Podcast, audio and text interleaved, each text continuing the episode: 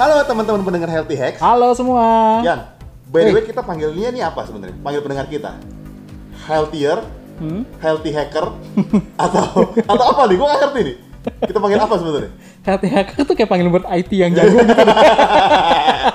Kita panggil mereka healthy hacker. Healthy hacker.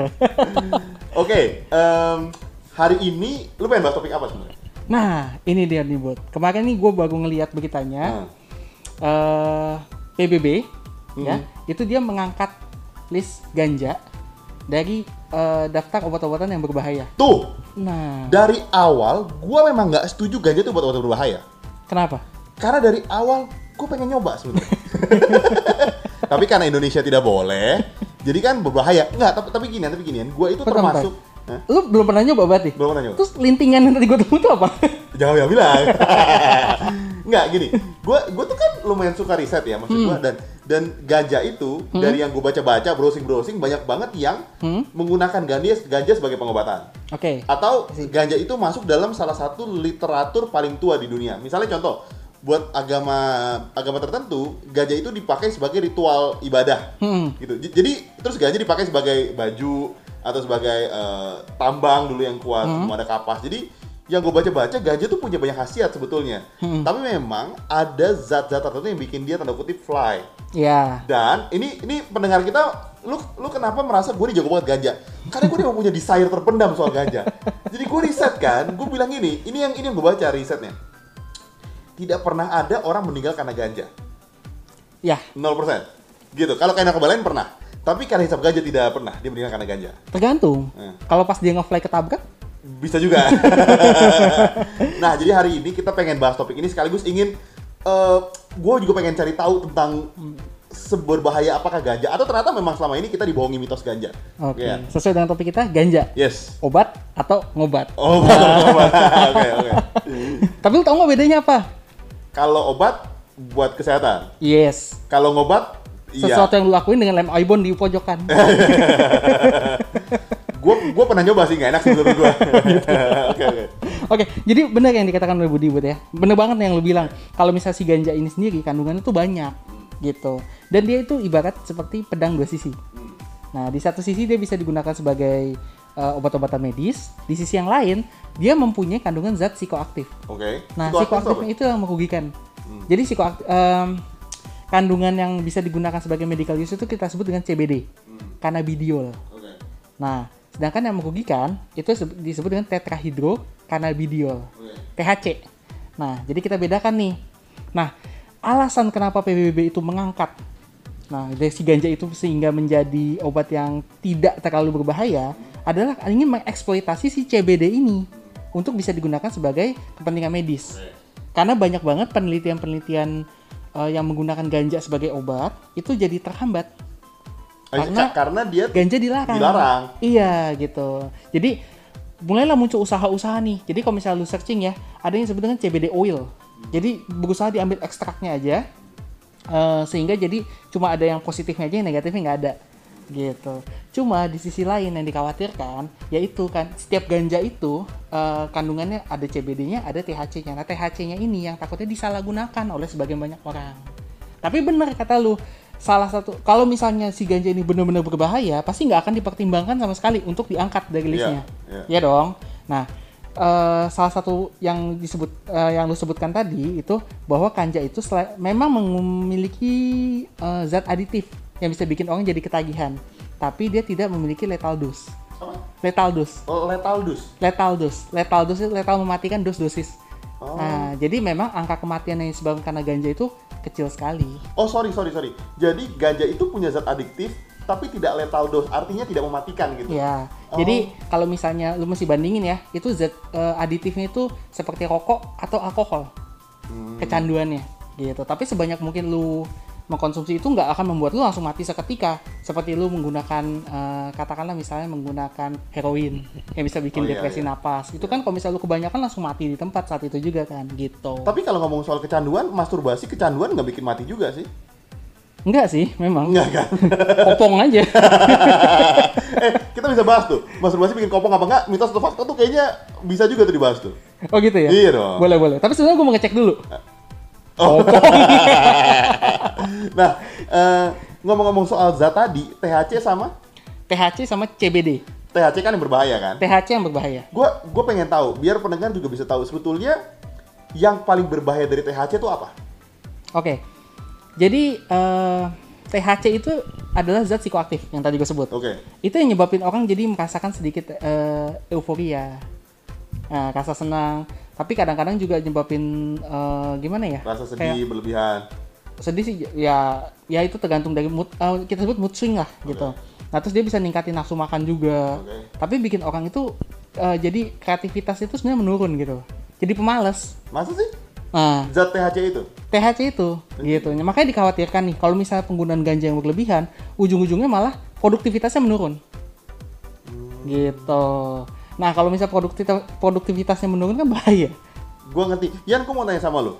Eh, s- THC itu hanya ditemukan di dalam ganja atau bisa di dalam hal yang lain?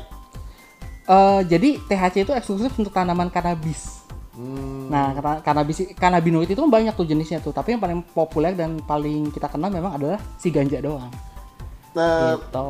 gue tanya, berarti tidak semua tanaman kanabioid itu dilarang pemerintah? Atau atau semua yang kanabis itu dilarang pemerintah? Eh, jadi ganja itu sendiri banyak jenisnya, Bud. Nah, kalau misalnya kita nyebutkan tanaman kanabinoid ya berarti kita nyebut tentang jenis-jenis ganja. Gitu. Lu pernah nonton ini nggak? Eh eh, lu tahu produser Jude Apatow nggak? Enggak. oke. Jadi eh, banyak film-film dia yaitu mentemakan yang isinya itu pemain pemeran-pemeran itu berhubungan sama ganja. Eh, contohnya misalnya gini, lu pernah nonton eh, Pineapple Express? Enggak pernah. Kayak gue pernah nonton semua yang lu sebut. Nggak pernah nonton juga? Aduh. Kan? Aduh, gawat. ya. Saatnya gue cek host barunya, tahu tentang ganja. Ngakunya katanya pengen ngeganja. Iya, iya, nonton. nah, nah, jadi eh, kalau misalnya di banyak film-film itu, itu dia akan me- gimana ya, menggambarkan orang lagi pakai ganja itu sebenarnya dengan tepat gitu, matanya merah, responnya jadi lambat, gitu, nafsu makan meningkat itu semua adalah efek dari ganja secara beneran. Oke. Nah, cuma kenapa gua mendetail si Pineapple Express ini karena dia eh, selain judul film, sebenarnya kalau misal lu searching dengan benar itu juga termasuk, termasuk salah satu dari jenis ganja Oh, yang nyata ada di dunia gitu. Jadi yang pertanyaan lo, cannabinoid itu ya jadi eh, misalnya contohnya ganja A diproses dia bikin jadi eh, ganja B diproses jadi gini-gini, Gan- ganja C diproses jadi pineapple express misalnya kayak gitu. Gitu. Jadi semua itu masih masuk kategori ganja. Tapi berarti sebetulnya THC itu apa pun eh, tanaman ganja yang memiliki THC udah pasti kandungan THC-nya tidak bagus untuk tubuh. Maksudnya gitu kan? Iya, THC-nya nggak bagus buat tubuh. THC-nya kan maksud gua. Betul. karena dia jadi bukan orang jadi males, Hmm? kemudian eh, intinya produktivitasnya menurun. Mm-mm. Karena unsur fly tadi yang yang orang Iya. butuh itu kan sebenarnya kan. I see. Gitu. Kalau misalnya THC-nya dicabut, berarti nggak ada efek fly lagi dong sebenarnya dalam dalam tanaman ganja itu. eh jadinya itu berarti kan nggak alami. udah Iya pro- sih. udah udah udah lu olah kan. Nah, tadi gue sempat sebut yang CBD oil, Nah. ya cannabinoid oil. Nah, itu ya termasuk yang tadi contoh lu bilang, ganja yang diproses THC-nya hilang. I see. Enggak, gue Gitu. sebenarnya tuh pengen tahu. Berarti kalau misalnya ternyata nanti ganja dilegalkan, Hmm. kemudian misalnya eh, diproses, THC dicabut, berarti percuma dong. Gue tidak bisa menikmati ganja seperti yang gue bayangkan. Oh, nggak bisa. Nggak bisa. Iya dong. Padahal kan lihatnya begitu ya. enggak, enggak. Buat buat teman-teman begini. eh, kita tuh bukannya pro sama ganja atau bukan gua pribadi bukannya pro sama ganja atau pro sama khasiat ganja, tapi gue tuh pengen tahu sebetulnya yang kita lagi bahas apa sih sebetulnya yang bisa dimanfaatkan dari ganja Iya. gitu. Karena ganja setahu gue punya banyak nilai ekonomis, Hmm. punya banyak khasiat yang bagus dan juga punya khasiat buruknya.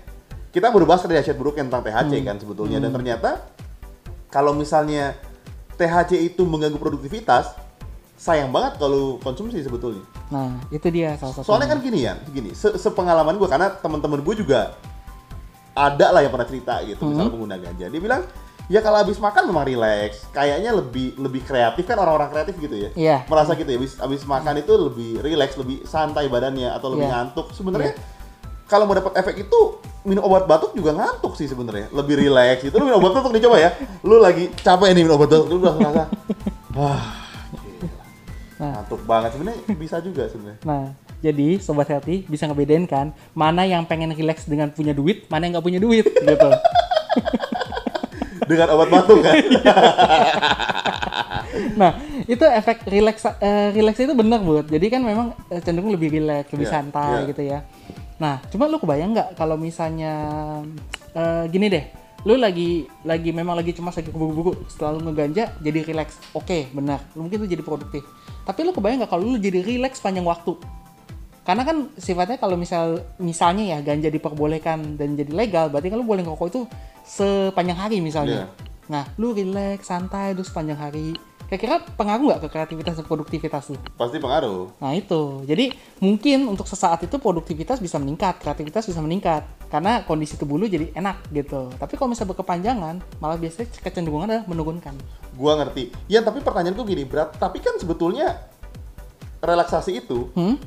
Itu kan juga ada zat zat yang dipakai dalam kedokteran. Misalnya orang panik, Hmm. mereka terlalu gampang parno misalnya, mereka kan dikasih dikasih obat untuk mereka jadi rileks. Sebetulnya gitu kan? Iya, ha. Maksudnya kan berarti Obat zat batuk. THC itu membantu juga untuk pengobatan sebetulnya untuk kedokteran medis. Iya, iya. Tapi eh, jadi kalau misal semua obat itu kan pasti kalau lu baca nih ada efek untuk pengobatannya, ada efek sampingnya. Oke? Nah, memang waktu itu awal-awal ganja itu di eh, gimana ya dijadikan sebagai suatu penelitian untuk mengobati ansietas, penyakit eh, penyakit cemas. Seperti yang lu bilang gitu, memang memang itu diarahkan ke sana. Cuma penelitian itu memang nggak terlalu berjalan. Karena itu tadi, karena ganja itu masih eh, dipandang ilegal ya di berbagai negara ya. Bahkan negara maju juga nggak semuanya setuju dengan ganja. Iya. Nah, penelitiannya jadi stuck. Terus setelah itu, kalau dibandingkan dengan obat-obatan lain yang ternyata efek sampingnya ternyata nggak seburuk itu, nggak punya zat-zat aditif, ya kenapa kita mesti pakai ganja? see. Pertanyaannya itu, gitu. Cuma ya diharapkan nanti siapa tahu ke depannya, kalau misalnya ternyata eh, penelitian tentang ganja nggak dibatasi, jadi kita bisa gimana nih caranya mendapatkan efek yang diinginkan, tapi kita meminimalisir atau menghilangkan efek samping yang tidak diinginkan. I see. Makanya di proses tadi ada CBD tadi gitu Iya, kan? salah satunya itu. Oke, em, sebenarnya gue masih penasaran dengan THC tadi. Hmm? Gue ingin menikmati relax tanpa minum eh, obat batuk sebetulnya. Hmm. Tapi kita balik ke CBD. Sekarang kita balik ke manfaatnya. Hmm. Biar orang biar orang juga tahu gitu. Eh, manfaat ganja tuh sebetulnya apa? Yang paling signifikan sehingga kedokteran sampai memperbolehkan.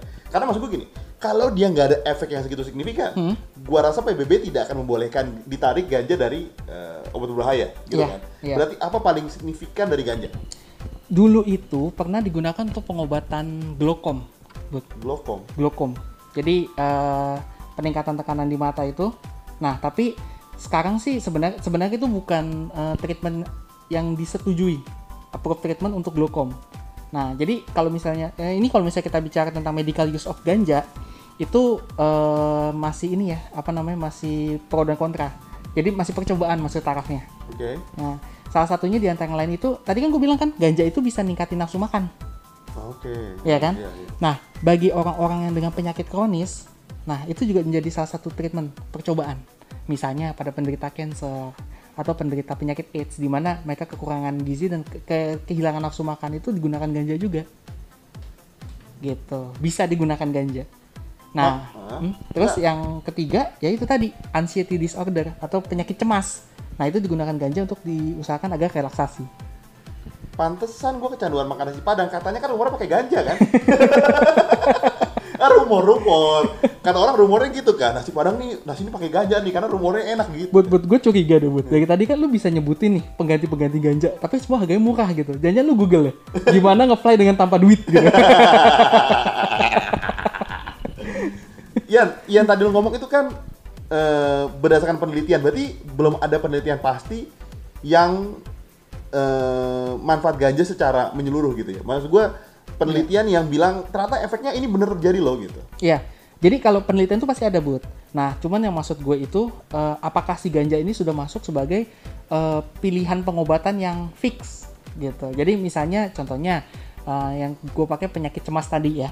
Nah penyakit cemas nih pengobatan pertama misalnya menggunakan obat penenang yang kedua menggunakan ini yang ketiga menggunakan ganja misalnya gitu. Nah itu belum ada tapi kalau misalnya kita cari penelitian, apakah ganja bisa meredakan penyakit cemas? Lu kan keluar itu penelitian-penelitian yang sudah dilakukan oleh orang-orang lain. Nah, ternyata ganja dengan ini ber- ber- berhasil berperan dalam mengurangi eh, penyakit cemas pada berapa orang itu ada gitu Oh, see. cuman dia belum masuk sebagai guideline part dari suatu penyakit Oh, that makes sense. I see, Gitu. gue kebayang, gue kebayang. Yan, jadi sebenarnya gini yang gue Hmm. concern ya sebetulnya, kita tahu bahwa beberapa daerah di Indonesia ini memproduksi ganja sangat besar. Hmm. Jadi beberapa daerah kita nggak sebut namanya, ada yang udah ke mana-mana lah. Lu tuh di Kayak setiap lahan ada ganja, gitu ya. terkenal gitu kan. Iya. Nah, harapan gue sih sebenarnya sebagai masyarakat Indonesia, gue harap penelitian ini bisa berkembang sehingga kita bisa punya nilai ekonomis sebetulnya. Hmm. Lu, lu bayangin ya, kalau misalnya eh, ganja itu begitu bernilai ekonomis, kan devisa kita bertambah sebetulnya. Hmm. Dengan dengan dengan konsekuensi yang terukur ya, tentunya ya. Maksudnya ketika penelitian makin maju, eh, ternyata kita memang iklimnya cocok memproduksi ganja dan kita bisa mengeluarkan zat THC tersebut sehingga bisa punya nilai-nilai baik. Gua rasa gua mendukung sebetulnya soal eh, soal apa namanya? soal em, eh, analisis ya atau pelajaran mendalam tentang ganja gitu. Selain daripada itu juga mungkin kalau kita legal, ya gue pengen nyoba juga sekali-sekali ada THC-nya. sebenarnya kalau membicarakan nilai ekonomis ganja itu kurang ekonomis apa lagi coba mahal bro Oh, mahal, oh, mahal ya? Berapa emang itu ganja? Nah, tapi gue setuju banget. Jadi eh, harapannya adalah setelah mendengarkan cerita kita nih tentang ganja, CBD, dan THC dan bla bla bla, masyarakat kita tuh bisa membuka mata. Maksud gue, beradalah dalam posisi netral gitu. Jangan sampai lu pro dan kontra, lu cuma mendengar doang. Iya, gue setuju. Gitu. Ganja itu, wah belum apa-apa lu nggak nyari informasi, lu nggak nggak tahu kandungannya, nggak tahu efeknya, cuma bilang ganja nggak boleh, itu narkoba gitu. Nah, Atau sebaliknya malah, ganja tuh boleh karena sehat. Iya, itu itu nggak tahu juga sebenarnya. atau kayak lu ganja, gue pengen. Sekalipun belum terrealisasi gitu. Tapi ya, kalau misalnya kita harapan kita berdua pasti penelitian lebih maju. Mm-mm. Eh, sehingga kita lebih terbuka tentang apa pun lah, nggak hanya ganja, pengobatan apa pun sebetulnya. Karena kita tahu dunia medis selalu berkembang gitu, dan kita tahu bahwa eh, lu lu nggak bisa hanya stuck di satu eh, value atau satu kebenaran gitu. Ya. Karena dunia medis berubah kan maksud gue. Kita bisa menemukan kebenaran-kebenaran baru gitu. Atau misalnya dulu eh, buah ini nggak guna, sekarang tiba-tiba buah ini jadi punya hasil. Karena penelitiannya kan berkembang. Iya, iya, iya. Dan gua harap buat pendengar semua bener kalian masih banyak riset. Jangan pernah kemakan berita-berita yang mungkin kalian juga nggak tahu dasarnya gitu. Iya. Soal ganja, kalian cuma tahu ganja ini buruk atau ganja ini baik sehingga kalian pro banget sampai kalian bisa menentang banyak orang gitu. Iya, Gitu betul, kan, betul sebenarnya. banget. Dan itulah sains. Iya. Apa yang kita nyatakan sebagai kebenaran kemarin bisa aja hari ini jadi kesalahan. Betul, setuju. Iya, Gitu. iya, betul. Mau apa lagi? Udah, ah, muak gue sama muka lu. Eh, Sama gue juga. Jadi teman-teman, eh, sekarang podcast kita nih muncul di YouTube juga. Dan kita juga akan muncul di bukan akan sih, kita selalu muncul di YouTube dan di Spotify dan di platform audio lainnya setiap hari Kamis dan Dan juga kita akan melakukan IG Live. Nah, setiap minggunya itu kita bisa saksikan di Instagram kita. yes. Dan IG live kita juga buat kalian yang ketinggalan mungkin lagi sibuk atau lagi jam sama keluarga atau lagi di jalan, kalian bisa nonton juga tiap hari Senin akan diupload ulang di YouTube channel Healthy Hacks. Oke, jadi kalau misalnya punya saran, kritik atau pertanyaan, boleh langsung DM ke Instagram kita. di healthyhacks.id atau bisa email kita di healthyhacks.id at gmail.com. Jadi sampai situ aja. Stay healthy. Stay alive. Bye-bye. Bye-bye.